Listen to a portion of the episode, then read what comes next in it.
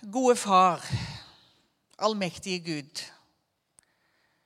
Vi er så takknemlige og glad for at vi kan komme og være i din nærhet, og at vi kan samtale med deg, at vi kan be og legge fram for deg det vi har av, av både gleder og bekymringer og, og tanker. Og så vil vi prise deg fordi at du er en sann Gud. Du er en evig Gud. Og du er en Gud som sendte din sønn som en soning for våre synder. Takk for at du har gitt oss nytt liv. Du har gitt oss håp og fred. Vi ber om at du rører med våre hjerter. At du, jeg ber om at du, du hjelper meg til å dele noe av ditt ord noe av, av ditt budskap, erfaringer med deg, Jesus. Og jeg ber om at det er ditt ord, som har kraft og makt Jeg ber om at det får framgang i vårt liv. Og så kjenner du oss til bunns.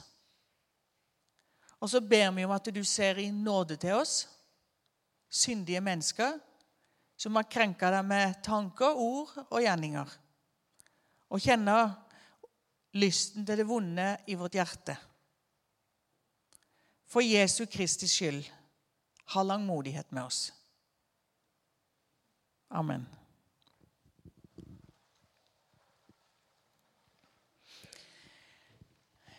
Denne helga hadde vi satt en, en overskrift 'Forpliktet og fri'. Så har vi vel snakka litt om at kanskje det kan være like greit å si 'fri og forpliktet'.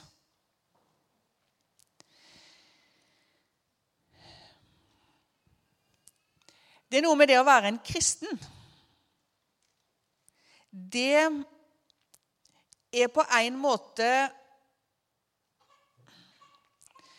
Um, eller, eller sånn, Å være en kristen, det å kjenne Jesus Kristus og bekjenne Jesus Kristus. Og ha en relasjon til den treenige Gud. Og på den måten så er det ingen teori. Men samtidig så, så trenger en jo ord og begreper for å forklare hvem Gud er, og hva Gud har gjort, og hva Gud gjør for oss i dag. Så det kan vi jo på en måte si er teorien, da. Men hvis du kjenner noen som ikke tror på Jesus, så vet du det at eh, Eller jeg kan jo ikke svare for det, men jeg kan i alle fall si for min del at det er veldig sjelden at jeg har opplevd at folk sier det at ja, du kunne ikke tenke deg å forklare det med rettferdiggjørelse og soning i Bibelen. Det er det egentlig nesten ingen som spør om. Kanskje hvis de kommer til et visst punkt eh, der de søker Gud. Det som er spørsmålet deres, det er om det er uttalt eller ikke uttalt, det er hvordan ser det ut å være en kristen? Hvordan tar det seg ut? I går nevnte jeg så vidt et bibelvers. Eh, det blir en litt sånn eh, inn innledning her. Da Paulus er for Det høye råd. Og så står det der at han så fast på rådet, og så sier han Brødre, med fullgod samvittighet har jeg levd mitt liv for Gud like til denne dag. Og det er noe med det at liksom Når vi hører det, det er apostelen Paulus, og vi hører jo at dette her er fra Bibelen, eh, så høres det så rett ut, og det er jo selvsagt at en sier det på den måten. Men hvis noen hadde kommet opp her,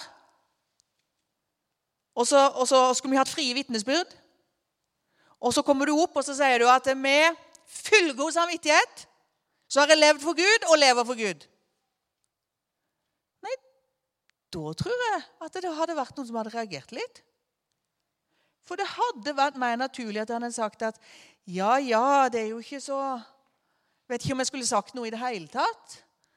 Og vi har jo våre problemer alle sammen. og Jeg skulle jo ha forberedt så mye bedre, og jeg skulle jo ha lest så mye mer i Bibelen. Og eh, vi skulle jo vært så mye gladere. og Vi gjør det motsatte av det som Paulus gjorde. Og hvorfor gjør vi det? Egentlig så gjør vi det fordi at det, vi misforstår faktisk nesten omtrent det sentrale. Og det er at når, Hvis jeg spør det, hvis jeg spurte det nå ja, Eller la oss si at jeg skulle liksom ha sånn én-til-én-samtale. Alle skulle inn, liksom. Snakke med meg. Så skulle jeg si Ja, hvordan har du det med Gud? Hvordan er samvittigheten din? Og hva hadde folk sagt da? Jo, jo, du vet, det er jo ikke så lett. Jeg går jo litt opp og ned her i livet. Og eh, føler meg kanskje ikke så helt topp nå. Og hvis det har, har, har, gått litt sånn ned med bibellesningen, så, så, så føler han seg enda verre. Og, eh, hvis menigheten er liksom ikke helt på stell, nei, så er det jo veldig dårlig. Og. og så plutselig så er det få som kanskje sier det at Jo, jeg må si jeg har det helt kjempegodt med Gud. Jeg har en god samvittighet og lever med Jesus og, og eh, ber om tilgivelse og får tilgivelse og blir reist opp og utrusta. Og det er to forskjellige måter å leve på. Fri og forplikta. Å være en kristen, det er ikke å gå omtrent med skuldrene i gulvhøyde og unnskylde seg, eh, både overfor Gud og overfor mennesker. Du kan stå oppreist og si 'Jeg har fred med Gud. Jeg har en god samvittighet. Jeg lever i et åpent forhold med Gud.' Jeg lever. Det er ikke bare sånn at en funderer over livet, men en lever livet. Det går an. Og Da skal jeg ta et eksempel fra Bolivia. Der jeg fikk en sånn eh, frihet. Eh, som jeg følte det, Akkurat den friheten tror jeg faktisk jeg hadde lært fra bedehuset. Det hadde seg sånn at eh, Vi hadde en stor skoletomt som var kjøpt til, til egentlig å bygge en ny skole. På, helt på slutten av 80-tallet, tror jeg. Som ble født, kjøpt for 70 000-80 000 dollar. Men så ble det bestemt at nei, vi skal ikke bygge sånn store skole her. Vi skal ha en, en annen type skole, så den tomta bare lå. Og den godgjorde seg den økte i verdi. Og Etter hvert så skulle en prøve å begynne å selge denne tomta. Men det var ikke lett, for da hadde den begynt å komme opp i 300 000-400 000 dollar. Og det var mye penger. Eh, de holdt på i årevis. Så var jeg stedlig representant. Så var det jeg som skulle sitte der på det kontoret og ta imot folk som kom inn. og hadde alltid med meg han som var administrasjonsleder kom kjendiser, vet du. Jeg kjente, visste jo ikke hvem de var. Og hun som satt på kontoret, hun satt jo Vet du hvem du snakka med nå, Marit? Nei, det visste jo ikke jeg. Og så kommer det en. Litt spesiell type. Hvis du, hvis du tenker deg den dårligste amerikanske filmen du har sett, med den sleskeste pastoren i den filmen, der har du han som kom da. Helt sånn glatt, vet du. Og, og han hadde, var veldig interessert i en ny tomt. Eller en tomt. Han ville ha den veldig billig, da. Uh, han, han, skulle jo selvfølgelig bruke den for Gud, men uh, han skulle jo eie den sjøl. Og han kjente noen av de gamle misjonærene og kunne liksom noen navn. og uh, Han var liksom ikke liksom litt sånn, Jeg heter jo Marit, og hvis de liksom skal være sånn veldig gilde, da, så, heter, så er det Maritza. Så han, så han brukte liksom Mm, alt mulig. Makt, sex Alt for å få kjøpt denne tomta. Og i tillegg, da, når vi liksom hadde sittet og snakka litt, så sier han, 'Søster, får jeg lov til å be over dette her?'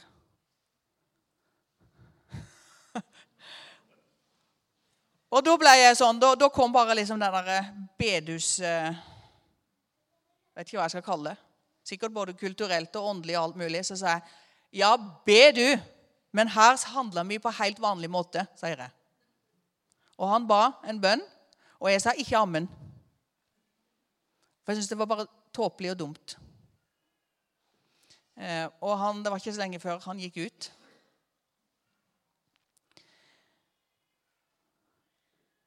Fri og forplikta. Du trenger ikke å la deg hunse med fordi om du er en kristen. Nå skal vi først lese litt fra apostelgjerningene 16. Og Der er et sånn eksempel.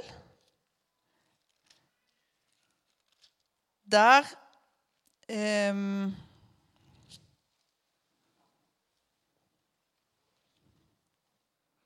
skal vi se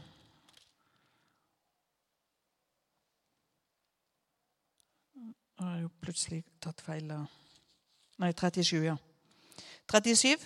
1637. Og det er Paulus og de som har eh, blitt eh, eh, Har sittet i fengsel.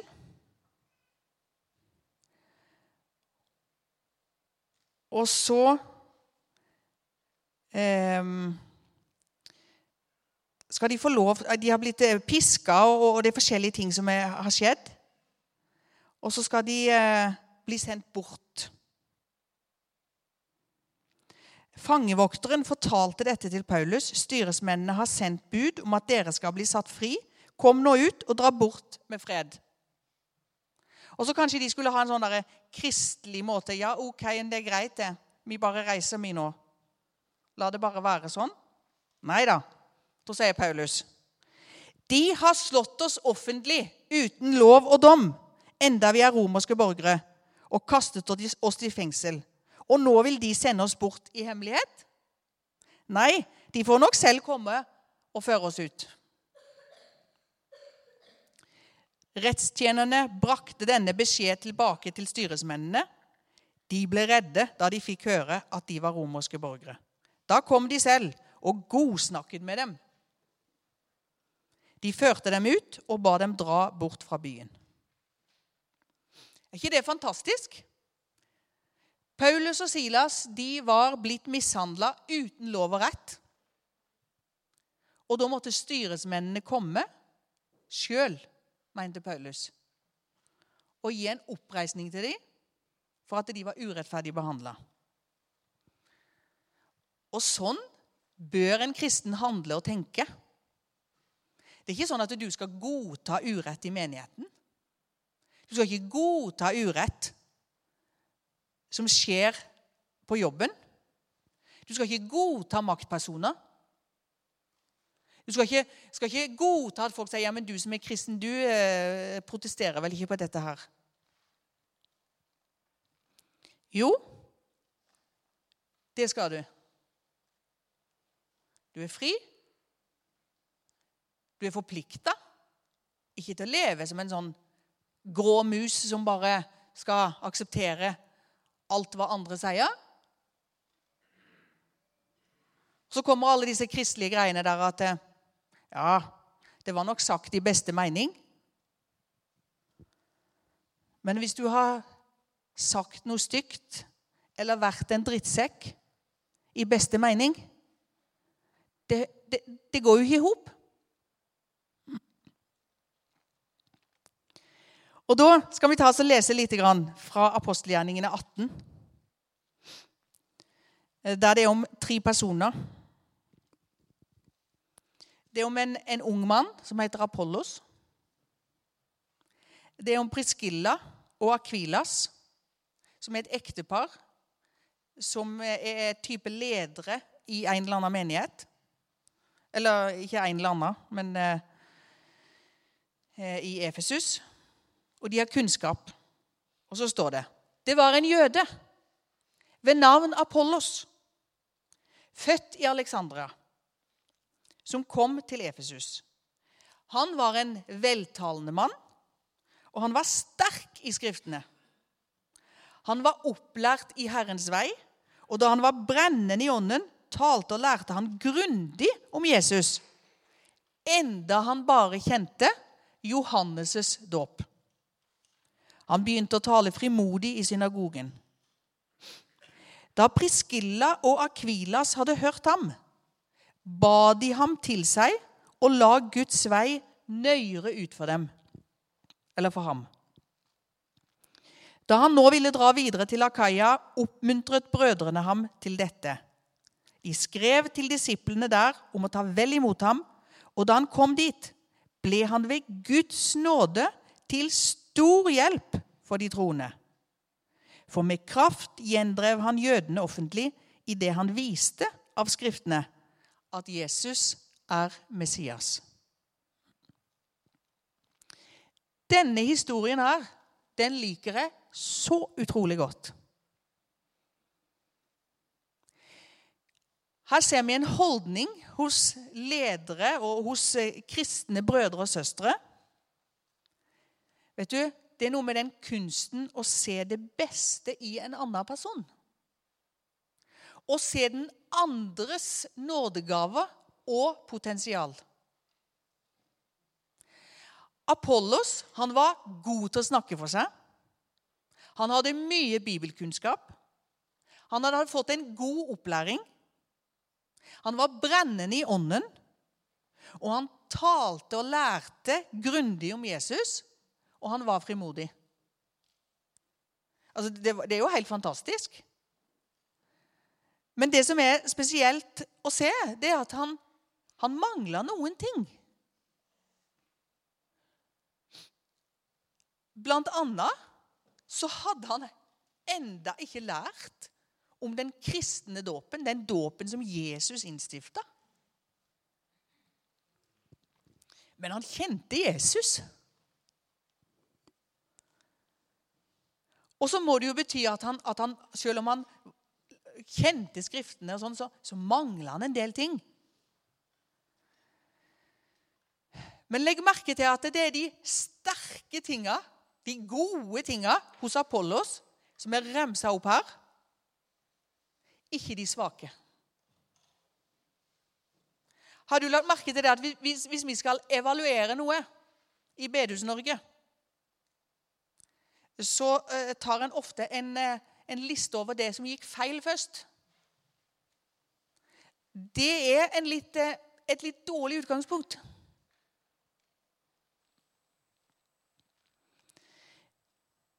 Det som ikke var så bra, eller det han mangla, det tok Priskilla og Akvilas på tomannshånd. Og det er jo så mye, mye bedre å få det der. De kunne jo reist seg opp i menigheten der og så sagt altså Her var det jo ting som, som virkelig mangla, som burde bli satt på plass, og alle de andre burde jo vite det. Men de gjorde ikke det.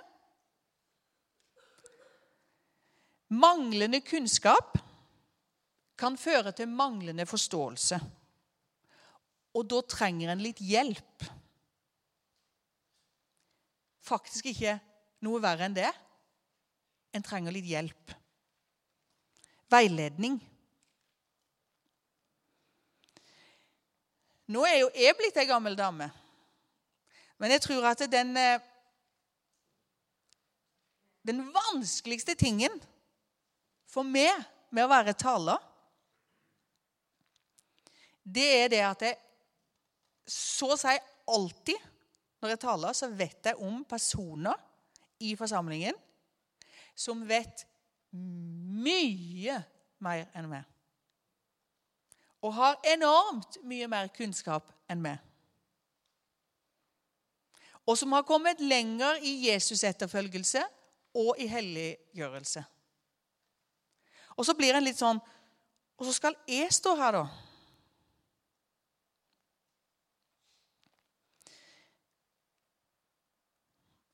Det er mulig jeg fortalte det når jeg var her forrige gang, men eh,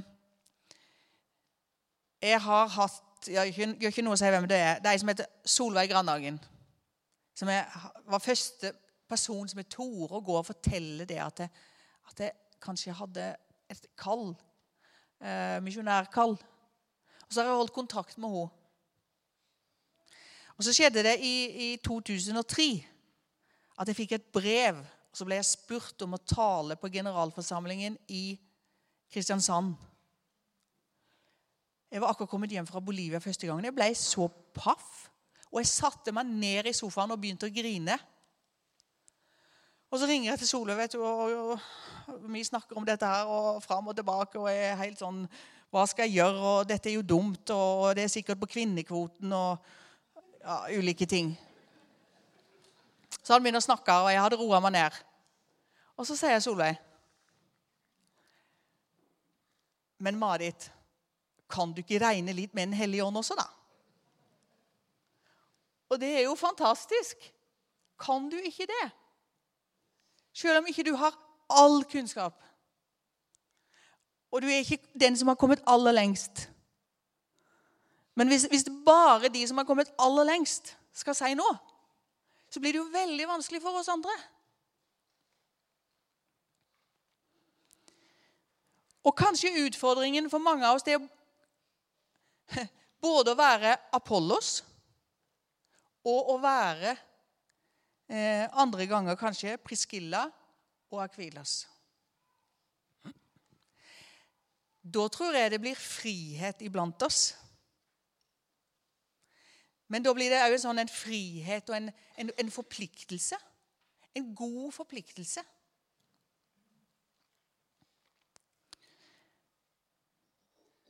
Jeg har faktisk opplevd å møte unge folk som, som, sier 'Nei, jeg tør ikke å si noe, for jeg er så redd for å si noe feil'. Jeg har hørt eh, ei ung, flott dame. Hun har, hun har jo mye kunnskap. Hun har et godt vitnesbyrd. Og så sa hun, 'Vet du hva? Det kunne ikke falle meg inn å stille meg foran de kritiske menneskene der og si noe.' Da er det ikke den gode friheten som en trenger for å dele og for å vokse som kristen. Kjenner du noen som du har tillit til, og som du kan stille de dumme spørsmåla til? Av og til så blir det litt sånn at du plutselig så kommer, nei, så er du blitt så gammel. liksom, Nei, det ville jo være forferdelig. Tenk hvis de andre skulle oppdage at de ikke visste det. Men jeg syns det var godt eh, gjort, han som, eh, som sa det sånn. Og det var faktisk Egil Granhagen, så her kommer de på banen begge to her. Men han sa det. Da var han over 60 år. Og så sier han hvis ikke Herren kan lære meg noe mer, da har jeg virkelig en liten Gud. Og det er sant. Hvis en, hvis, en, hvis en, er i den posisjonen at det, Nei, jeg tror nok Jesus har noe mer å lære med. Verken i, i, kunnskap eller erfaring eller noe som helst. Nei, da har du en liten Jesus. Han har mye å lære deg. Og det er jo noe av det som Apollos eh, beskriver for oss. At det går an å være litt uferdig. Og det er jo det som, som kommer litt videre nedover der i kapittel 9, 19 i apostelgjerningen, som òg er en del av den leseteksten eh, for denne søndagen. For det handler om disse her som, som tror på Jesus. Og så eh, Så finner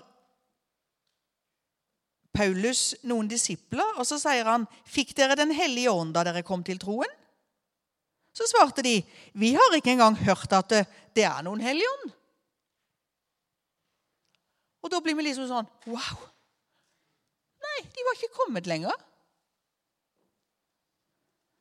Og så sa han, 'Hva er dere døpt med?' da? Ja, de var døpt med Johannes' dåp. Og det er jo det som, som utrolig mange bruker som en sånn, veldig sånn lett argumentasjon. da. Og det er at ja, Jesus ble jo døpt som voksen, da skal jo du bli døpt som voksen. Jesus han ble jo døpt fordi at han gikk inn i en sånn omvendelses eh, synderdåp som han egentlig overhodet ikke burde kun, burde, Eller han, han trengte ikke tatt den, for han var jo perfekt. Men han gjorde det fordi at han skulle bli en av oss og skulle vise at han tok synderens sted. Men Jesus innstifta jo den kristne dåpen, der vi ble døpt i Faderens, Sønnens og Den hellige ånds navn. Så de var ikke kommet lenger. Jeg opplevde i Bolivia en gang Det var en som eh, Han var eh, blitt tatt opp i menigheten. Eh, I Bolivia er det jo sånn at de fleste blir døpt i Faderens, Sønnens og Den hellige ånds navn i den katolske kirke. Og da døper en de ikke om igjen. Men en har et medlemsopptak der de må bekrefte dette her. Så hadde han hatt eh, medlemskurs, og det var sikkert noen ting som hadde glippet der. da. Så underviser han på bibelskolen. Så har vi om dåp. Og så forteller vi om dette her, alt som ligger i dåpen, og at dette var inngangen egentlig inn i menigheten. Og Så kommer Ariel opp, og så sier han Må en bli døpt for å bli en kristen? Så sier jeg ja, det er en del av det å være en kristen. Så sier han, men jeg er jo ikke døpt. Nei. Han trodde på Jesus. Han hadde Jesus i hjertet. Det var, det var ikke noe mer vrient enn at da ble det bestemt en dåpsdag. Og så ble Ariel døpt. Han òg. Men ikke, ikke akkurat etter liksom boka og etter det, det tidsskjemaet som vi ofte har. Jeg har rett og slett hørt fra første, en av de første misjonærkonferansene i Potosi i Bolivia. Så skulle de ha de tre første som skulle bli tatt opp som medlemmer. Det var ikke mange misjonærer der, tror jeg, men det var fest. Det er liksom noe med det vet du, at noen er jo blitt frelst. og du kan jo skrive hjemme i utsyn. sant? Nå er det jo skjedd noe. Da var det òg generalsekretæren som var ute, Egil Grandhagen. Og de lader opp til denne dagen. Og dagen før så slår det ned som en bombe da, blant de norske. da. Men de lærte sikkert mer av kulturen etter hvert. At de, det ekteparet som skulle da bli døpt, de var jo ikke gift. Liksom, Hva skulle de nå gjøre? Det var jo helt, I Bolivia så, så, så, så hadde jo i, i uh, århundrer vært en sånn samboerkultur. Så ble de sånn Nei, hva skal vi nå gjøre? Så sier Egil Grandhagen Ta de opp som medlemmer. Gifte de, de gjør vi etterpå. Det er ikke alltid det skjer sånn på streken. De fleste av dere ble døpt som barn. Men om en nå blir døpt som voksen, og om en lytter står opp som voksen, så er det ikke sånn at alt er på stell. Det er mange ting en må ta etterpå. Av og til så er det noen unntak. De hadde begynt på veien. De var uferdige. Men de, de vokste. Det gjorde Apollos. Det gjorde disse her, som jeg fortalte om i Bolivia. Og det gjelder for oss. Når vi mister dette perspektivet, at vi skal vokse, ja, da blir det ofte veldig sånn trangt, og det blir litt skummelt og det blir litt vanskelig, for det er jo ingen av oss som når opp.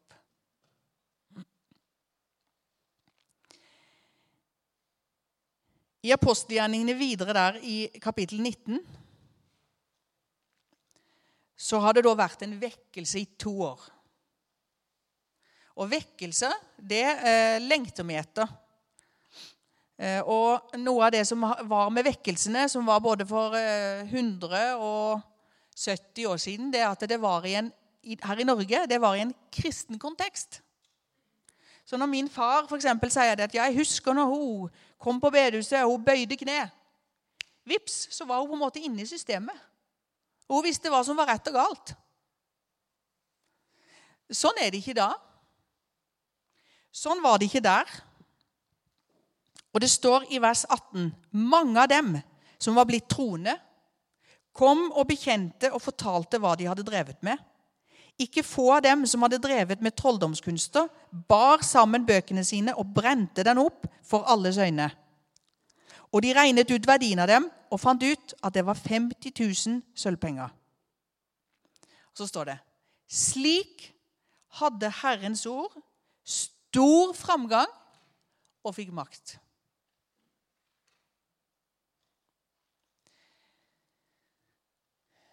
Det er vekkelse. At samvittigheten blir vekt opp. Og at Herrens ord har stor framgang og får makt. Og det kan vi jo be om for Salem, for eh, Region Sør-Vest, for menighetene her i byen og i Norge. At Guds ord må ha framgang og få makt. Og det får egentlig Herren bare med de som er uferdige. Som er på vei. Hvis du har alt i boks og alt i et system, så er det ganske vanskelig å rikke på det. Det er mye lettere å styre en bil som er litt i fart, enn en som står helt stille. Da drar du veldig på rattet. Men hvis det er bare litt bevegelse, så er det mye lettere å styre den bilen. Fyll deg med Guds ord. La det få framgang og makt i livet ditt. Og da tror jeg jo det kommer en sånn god frihet inn i ditt liv, og inn i våre liv og inn i våre forsamlinger. Herre Jesus, takk for at du er kommet med frihet. Du er kommet med, med fred. Du er kommet med det motsatte av frykt. Herre, vi ber om at ditt ord og din ånd må fylle oss og lære oss og vise oss din vei. Amen.